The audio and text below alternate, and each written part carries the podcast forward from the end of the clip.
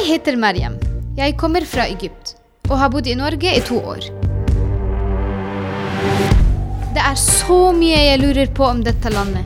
Og i denne serien får jeg lov til å stille alle spørsmålene mine til eksperter på ulike greier som har med Norge å gjøre. Ah, Jeg gleder meg. Hallo, Norge. Hallo, Norge! Hallo, Norge! Hallo, Norge!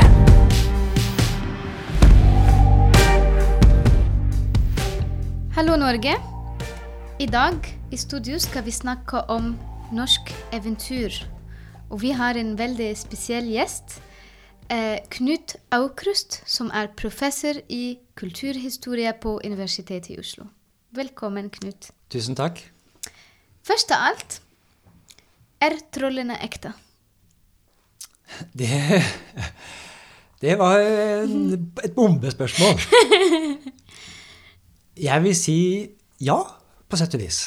Som forestilling. For vi, altså jeg, som driver med eventyr og sagn, historier, fortellinger i fortid og nåtid, jeg er veldig opptatt av at fortellingene fins. Eventyrene fins. Og i disse eventyrene så er det fortellinger om troll. Altså fins troll. Forestillinger om troll. Så derfor så vil jeg si at trollene, de, de fins eh, som både inni oss, og kanskje vi kan se det litt i naturen og litt sånn spooky lys og sånt nå. Men det som er interessant for meg, både som eh, lærer og som professor, så er hva, hva, ligger i disse forestillingene om troll? Hvorfor er de dukket opp?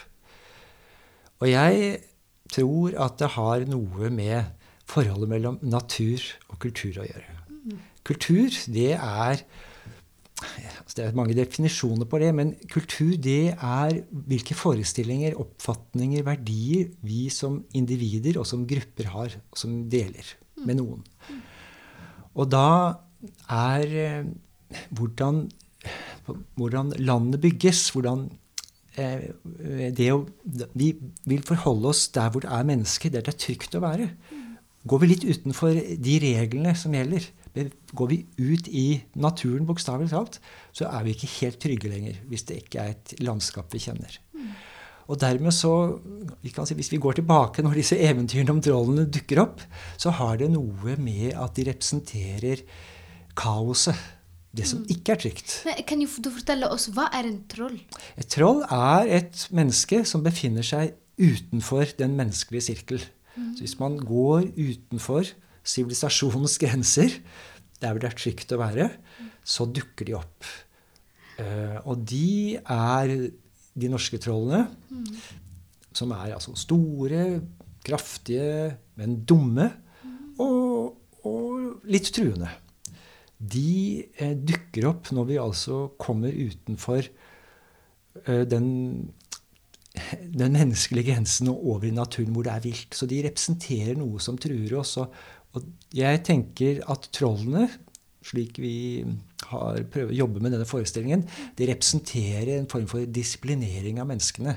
At man skal holde seg til der man er vant til å være, og ikke gå inn i skogen. Det er som eventyret med lille Rødhette. Hun fikk streng beskjed av mora si om at hun, når hun skulle besøke bestemor, så måtte hun holde seg til stien. Mm -hmm. Ikke gå utenfor stien, inn i skogen. Der møtte hun da hun en ulv. Mm. Men i Norge så møtte man ikke så mye ulv. Ja, man gjorde det før. Og nå i Nordmarka. Men da møtte man troll. Og de er litt spooky. Så samme historie, for det, den, den historien om hun jenta som skal besøke bestemor, ligger i mange kulturer. Mm. Og det er alltid en ulv. I Norge det er en troll? Det er både ulv og troll. Og er, men i eventyrene så er det ikke så mye ulver, men, men trollene er veldig sentrale. Men jeg syns det, er veldig riktig det du sier, altså at uh, disse fortellingene, eventyrene som vi tenker er spesifikt norske, mm. så er det eventyr og forestillinger som vandrer over kontinent, kontinenter. Og så får de litt sånne lokale særdrag. Mm. Så derfor er trollet der som uh, Men i dag så er trollene blitt mer litt snille. Og de dukker opp i underholdningsparker, og vi snakker om økotroll. Altså at de representerer eh, det at vi skal ha bærekraftig utvikling og sånt noe. Og det syns jeg er en fantastisk forestilling, fordi trollene de tilhører naturen. Man kunne tenke, Trollene oppfattes som negative i eventyr. De er dumme, og de truer, og de har konkurranse med Askeladden, og de spiser hvem som spiser fortest og mest. Mm. Men eh, i dag så, så, er trollene representerer egentlig det samme, nemlig at nå er faktisk naturen blitt så truet. Mm. Vi snakker om bærekraftig utvikling. Og hvis man da går løs på å hogger alle trærne og, og utvinner alt og greier, ja, så straffer det seg. Så trollene er i dag blitt konvertert ja. til eh, egentlig en positiv kraft yeah. ved å passe på at vi ikke er for harde mot naturen. Fantastisk. Så å være en troll er en bra ting med i dags eh, betydning.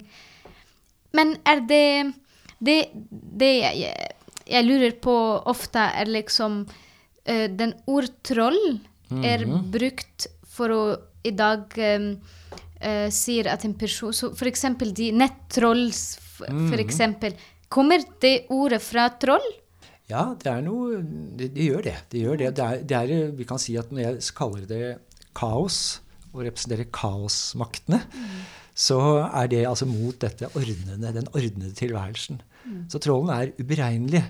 Og de er kan være Og vi snakker om trolldom, mm. altså noe som er demonisk, ja. og som ikke er bra. Nei. Men som alltid så kan det være, som vi sa i gamle dager, da jeg var politisk aktiv, så en sak kunne ha en god side og en dårlig side. Mm. Så trollene har både en god side og en dårlig side. Hva med tusser? Man sier tusser og, tro og troll. Hva er tuss? Det er noe Det er, det er i familien. Og vi har uh, huldre også. Sant? Kvinnelige skikkelser, erotiske mm. figurer, som også er der ute i naturen, og som var knytta til uh, setra okay. i Norge. Mm. Uh, I Lom eller i Valdres, Gudbrandsdalen. Fordi at for både krøtter og mennesker så var det å dra på setra om sommeren med beite, det var det var som å dra til Syden. Det var, det var hardt arbeid, men det var allikevel noe annerledes. Et fantastisk liv. Eh, hvor også dyrene kunne beite. Men der så var man også i utkanten av sivilisasjon. Mm. Og der var man tettere på trollene og tussene, som da lever litt sånn skjult. Uh, og, og huldra, som også da er en sånn en, en kvinneskikkelse med hale, mm. og som er erotisk, dragende. Alle vet at de må ikke nærme seg en hulder. Men mennene de bare klarer ikke å la være. Mm. Dette er lenge før metoo, sånn at det er De, de, de trekkes inn, og, og med skjebnesvangre um, konsekvenser. Så og faktisk så er også trollet en sånn en erotisk, en demonisk eh, tiltrekningskraft. For det er mange da kvinner som går i naturen, mm. og så blir de tatt av et troll, og så føres de inn i berget og bor hos trollet hele resten av sitt liv. Så troll er alltid menn, og tuss, tusser er også menn, og huldra er kvinner? Det er kvinner, ja. Godt å vite. Alt du lurer på om Norge, finner du her. Dette er Hallo Norge. Hva er den uh, åpningssetning i norsk eventyr? For jeg syns det er så morsomt i forskjellige kulturer. Jeg er fra Egypt, uh, så på arabisk vi begynner å si 'Kenya makan', eller som betyr uh, 'Dette har skjedd', eller 'Dette har ikke skjedd'. Og sånn, Man sier historie, og det betyr det er opp til deg å tro eller ikke tro på denne historien. Så hva sier man i Norge? Jeg syns det var en veldig fin eh, måte å si hvordan dette sies i Egypt, og i Midtøsten generelt, det regner jeg med, på arabisk. Så eh, i Norge så er det 'det var en gang'. Og det betyr jo at eh, det legges til en tid før oss. Det er litt som, som kulturhistoriker så driver vi litt med gamle dager. Så tiden kan deles inn i nå og i gamle dager. Så det er litt spørsmål når var gamle dager? Men det var en gang. Men ikke noe spesielt knyttet til et sted. Det er litt sånn uspesifikt. Så det er, men det er på fjell eller i fjord eller i skog. Eller det var en gang. Og da kommer det en fortelling som alle skjønner at dette har ikke helt hendt. Men det inneholder også noe kanskje en moral eller noen sannheter. Og, og det, nettopp det moralen, hva er Fins det liksom en, eh, en standard moral eller eh, essens av norske eventyr? Det gjør det. Men ikke spesielt for norske eventyr. Men, men det norske særdraget En variant er jo det, dette med om de tre brødrene Espen, eh, altså Per Pål og Espen Askeladd. Hvor du har altså tre brødre. Veldig, du har sikkert brødre, fortellinger om brødre som er litt i krig andre steder i verden nå. Og så er det da Espen Askeladd. Som andre steder i Norge så heter han eh, Askefisen. Det er, altså, det er skikkelig latsabben som sitter og ikke gjør det døyt. Han sitter i skorsteinen, altså i peisen. Og så har han det er ordet aske kommer. at han blir møkkete eh, av det å sitte i peisen og sitter og daffer hele tiden. Det er en variant av Askepott, som jo også har det samme navnet. Ja. Hun som er å bli svart på kroppen og, og ses ned på av disse to andre stesøstrene når det gjelder Askepott. Så Askeladden, han er prototypen kanskje på vil noen si den norske folkesjela, på godt og vondt. For han er altså den som ingen har tiltro til. Han er outsideren. Han er den som alle ser ned på. Og så skal de ut og finne noe finne De blir utsatt for voldsomme utfordringer om å finne den båt eller, som kan gå både til lands og til vanns, eller målbinde prinsessen eller noe sånt. Noe. De to eldste bødene de driter på draget, mens Askeladden han, han klarer seg. Hvorfor gjør han det? Jo, fordi han er nysgjerrig, har jeg tenkt meg. Eh, 'Jeg fant, jeg fant', sier han når han skal gå ut i naturen. Brødrene bare fosser på, men han ser en bekk som renner, og hvor kommer det fra? Mm. så det er litt, han er egentlig litt forsker. Litt eh, nysgjerrig. Eh, og det er en, eh, en e- viktig egenskap for alle, egentlig. Å være nysgjerrig. Ja, hvorfor er det sånn? Hvorfor har det vært sånn bestandig? Er det ikke på tide å endre noe? Men eh, han har også veldig flaks. Så, så og denne Askeladden. Så det er flaks og nysgjerrigheten. Og, og, eh, som, eh, og underdoggen som går seirende ut. Så mange vil kanskje si at Askeladden er da historien om nordmannen. Om, eller om de som bor i Norge, sammenlignet med naboene, nemlig svenskene og danskene.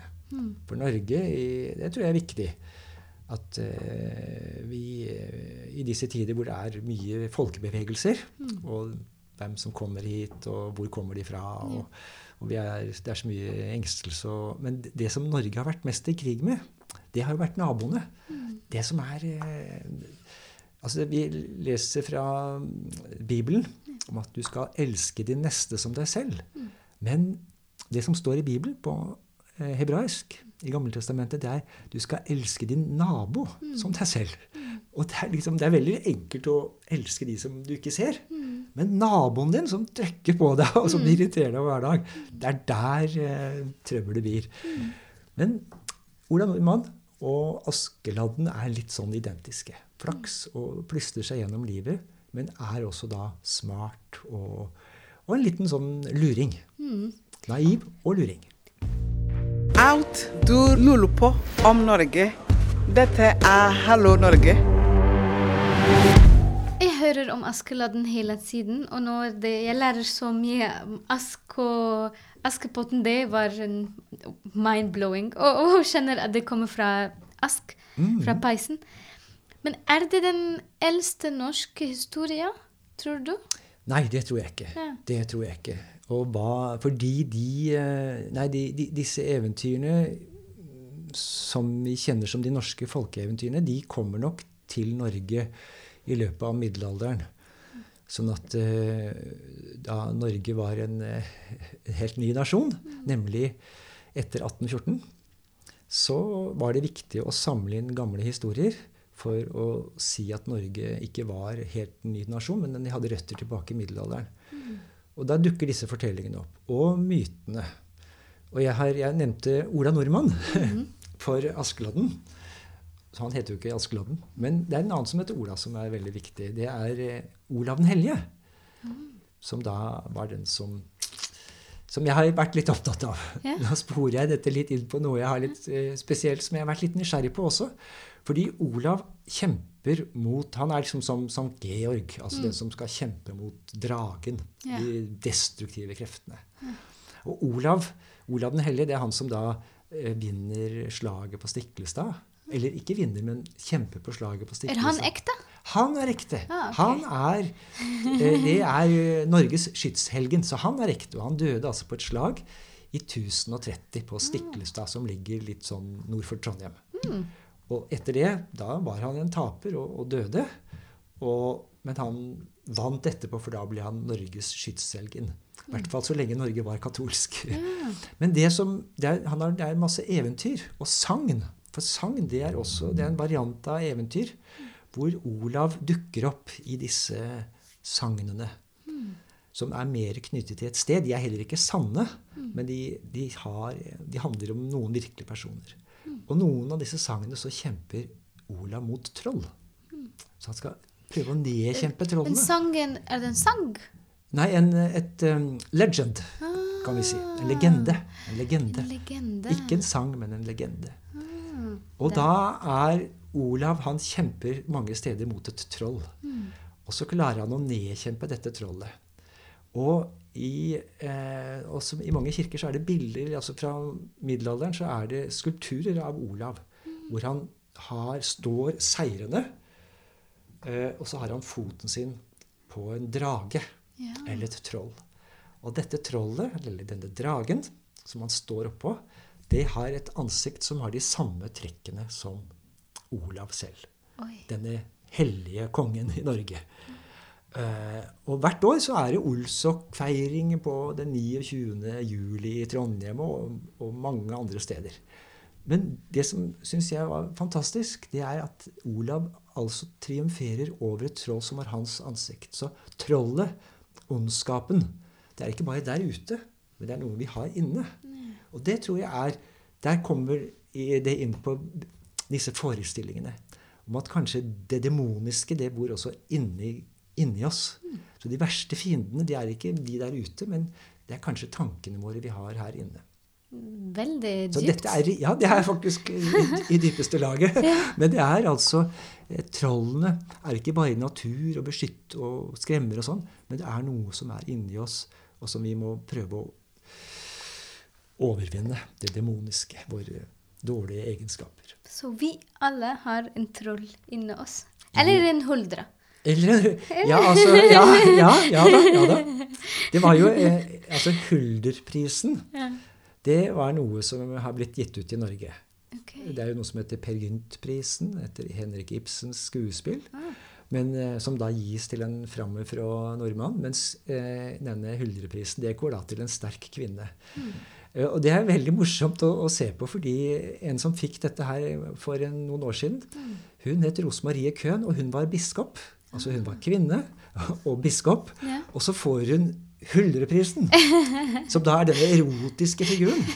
Jeg syns det er veldig spennende og utrolig interessant at dette det, Man bare nikker. Ja, men det, det fortjener hun. Ja. Rose Marie Køhn, denne biskopen, kvinnelige biskopen, som da man ikke tålte før. Jo da, at hun er Huldra. Det, sier vi tommelen opp til det. Ikke sant? Og det, det nettopp Det forklarer hva du sier, at man har en troll inne. Det, det ligger dypere. Mm. Og, ikk- og, og ikke kategorisere troll i en boks. Ja. Ikke ja. sant?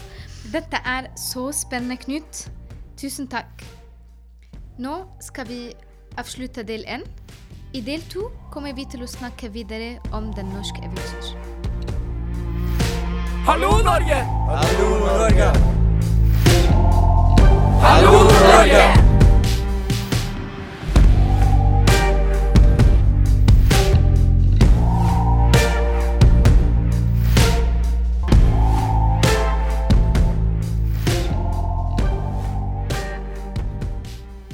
Denne Podkasten er produsert av Tid og Lyst. med støtte fra stiftelsen Scheibler.